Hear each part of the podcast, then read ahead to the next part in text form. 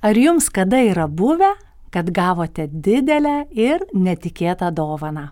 O ta dovana džiugino jūs daug dienų ir atnešė visokių gerų dalykų jūsų gyvenimą. Taip nutiko ir šiandienos pasakos Dudelė šokdintoje veikėjui.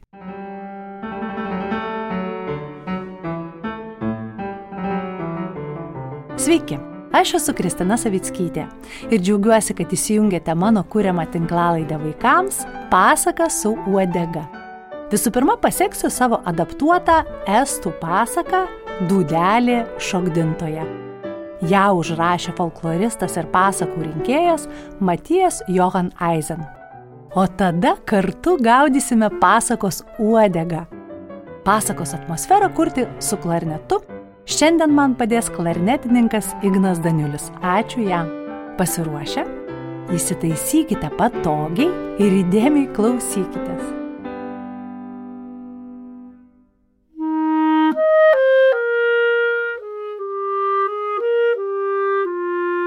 Seniai seniai gyveno jaunas vaikis ir jo darbas buvo pas poną gyvulius ganyti.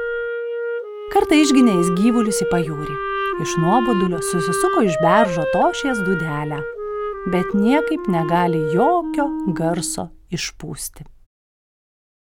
Ir stipriau pūtė, ir silpniau, ale vis tiek tik varganas šnipštimas girdisi, vis tuščiai pučiasi. Tom tarp iš kažin kur atsirado žilas senučiukas ir klausė, ką čia darai? Pirmojam sako, susisukau dudelę, bet nėra garso, nors tu ką. Paėmė senelis piemenuko dudelę, pavartė rankose, apžiūrėjo iš visų pusių, prie vienos, prie kitos ausies paklausė ir palingavo galvą. O tada sako, šia, verčiau tau savo dudelę padovanosiu. Ir duoda piemeniui nedidukę gluosnio dudelę. Nespėjo piemuo ir padėkoti, o senučiukas dingo iš akių, lyg nebūt nebuvęs. Piemenukas atsargiai papūtė dudelę. Vaje, kasgi čia dabar? Tik pasigirdo švelnus dudelės garsas, visi gyvuliai, kadims šokti, kadims traksėti, gražu pažiūrėti.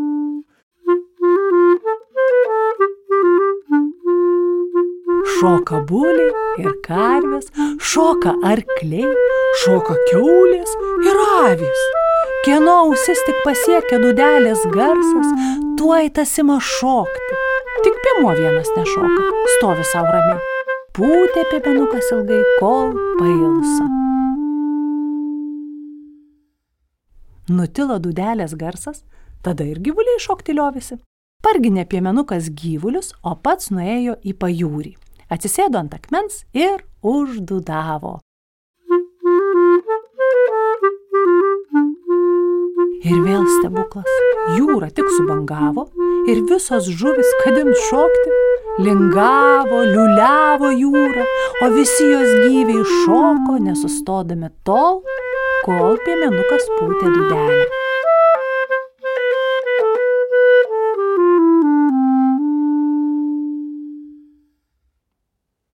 Taip ir gyveno piemenukas gyvulius ir jūros žuvis šokdindamas, kol sykį atėjo pas jį koks jaunas muzikantas ir pradėjo savo melodijas duduoti.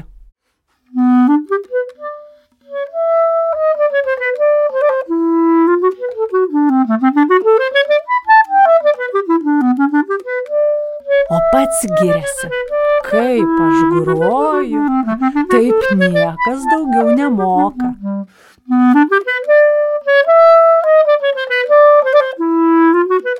Grojo, grojo, sustojo ir sako piemenukui. Ką čia aš bereikalo tau groju? Iš tavęs duduotojas vis tiek neišeis. O piemuo įsitraukė dudelę ir papūtė.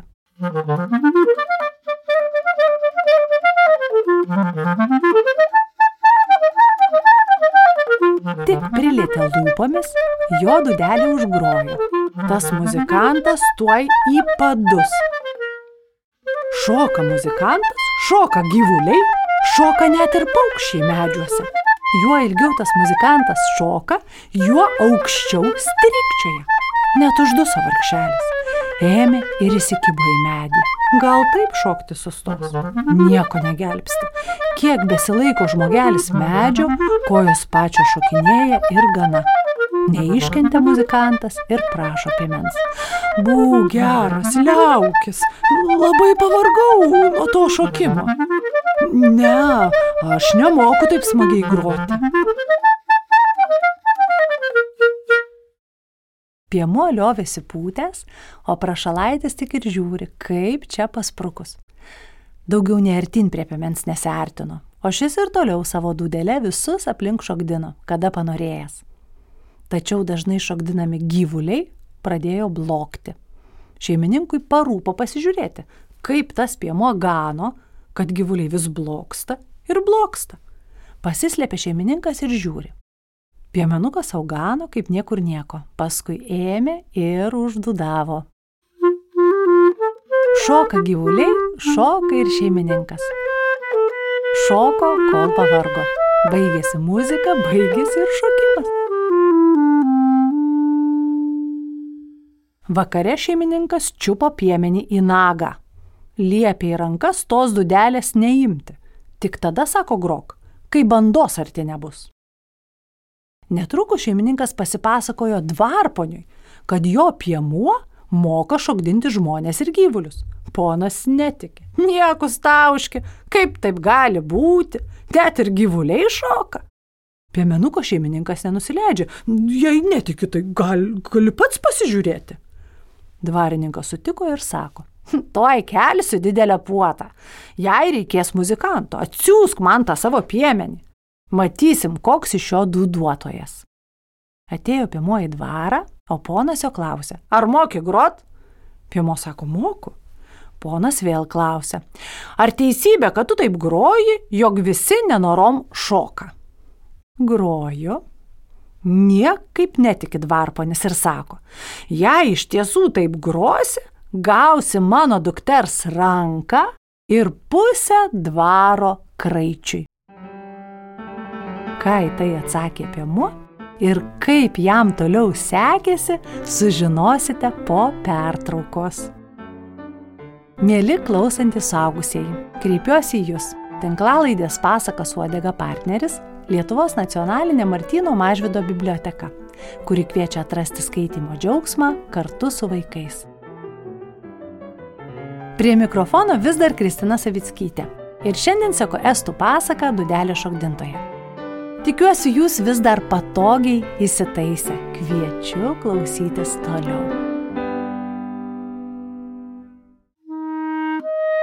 Pirmojoje estų pasakos apie dudelę šokdintoje dalyje piemenukas iš senučiuko gavo dudelę, kurią tik užgrojęs galėjo šokdinti visus aplinkui - žmonės, gyvulius, jūrų gyvius, paukščius. Jį pasikvietęs dvarininkas kuris niekaip netikėjo, kad taip gali būti. Kai tik piemenukas užgroja, visų iki vieno kojos kilnojasi.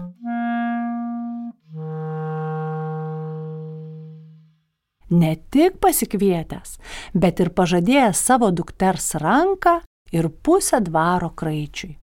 Susirinkus svečiams pono puotoje, šis pašaukė piemenuką groti. O ko jis negros, jei šitiek pažadėta? Įeina piemenukas į rūmų salę ir bijo su vyžomis per grindį žengti. Jie, ką čia vaikščiosi? Dudelė prie lūpų ir užgrojo.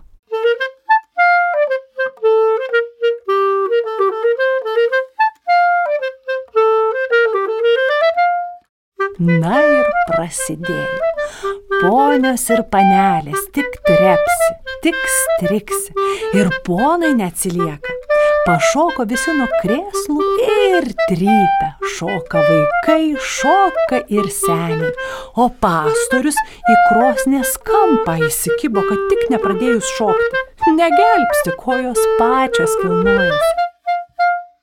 Pagaliau piemenukas atsikvėpė.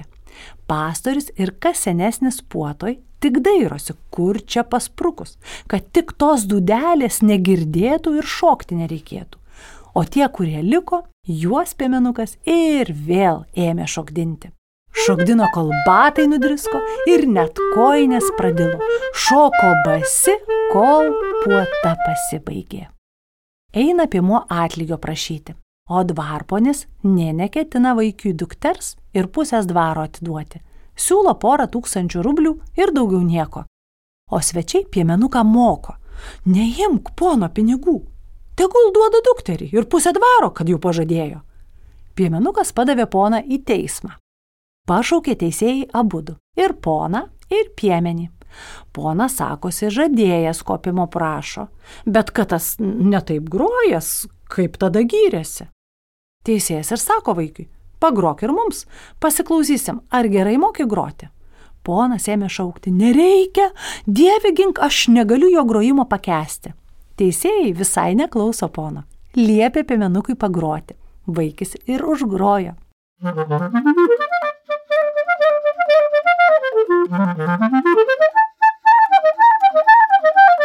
Nors plyšk iš juoko, ponas tik strapalioja, tik kvėpčioja, vos orą gaudydamas ir teisėjai kartu su juo. Teisėjai vos ant kojų be pastovi ir šaukia. Vaikio teisybė, jis taip groja, kad nori, nenori, šoksi. O piemenukas vis tiek groja. Žiū, ponas jau rėkia. Teisėjai, broliukai, atiduodu vaikiui dukterį ir pusę dvaro kraičiui. Tegul tik liaujasi pūtęs tą savo dūdą. Vos tik įsliovėsi groti ir šokis pasibaigė. Dvarininkas negalėjo ilgiau spirtis. Atidavė piemeniui dukterį už pačią ir kraičio pusę dvaro. Piemenukui viskas klostėsi kuo puikiausiai gal ir dabar gyvena savo dvare ir visus šokdina. O dabar gaudyk pasakos uodegą. Na, mėly maži ir dideli klausytojai. Visų pirma, kviečiu pasikalbėti su mama ar tėčiu, močiute ar seneliu, ar kitų suaugusiuoju. Ar žinote tokios muzikos, nuo kurios kojos pačios kilnotųsi? Gal grojate patys? Ar turite mėgstamų dainų įrašų? Ar pastebėjote, kad skirtingiams žmonėms patinka skirtinga muzika?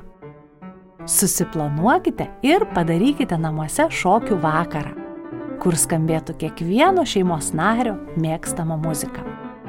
Pradėkite planuoti jau dabar, kaip apsirengsite, kokiais batais šokti patogiausia, kaip papuošite savo namų šokių erdvę.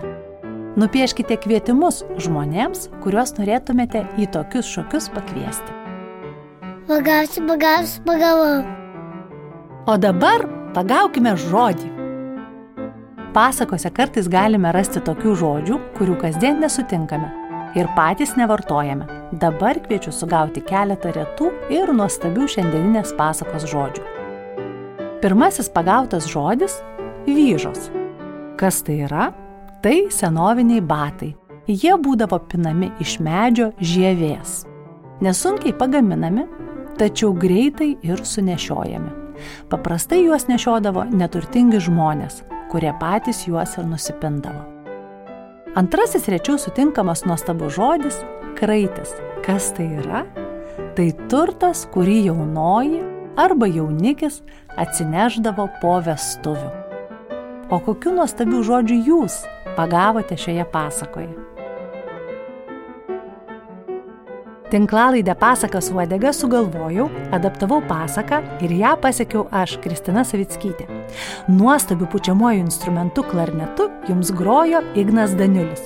Jis sukūrė pasakos temą bei parinko kūrinius dudelės šokiams. Girdėjote estų liaudės šokį Parmupil, Lenkų liaudies dieduko polka, Fritz Chrysler valsą rozmariną bei Reino gyventojų polka. Na, o tinklalaidės pradžioje ir dabar skamba Johano Sebastiano Bacho Goldbergo variacija numeris 10, atliekama pianisto Kimiko Išizaka. Tinklalaidė įrašyta Lietuvos nacionalinės Martino Mažvido bibliotekos garso įrašų studijoje. Garso režisierė Katažina Bitoft. Jei norite nepraleisti naujų pasakų su uodega, būtinai paprašykite tėvų prenumeruoti tinklalaidę ten, kur jiems patogu. Apple Podcasts, Spotify ar kitose tinklalaidžių platformose. Taip pat visas tinklalaidės su užkulisių reportažais galite rasti mano puslapyje www.savickytė.lt arba mano Instagram paskyroje.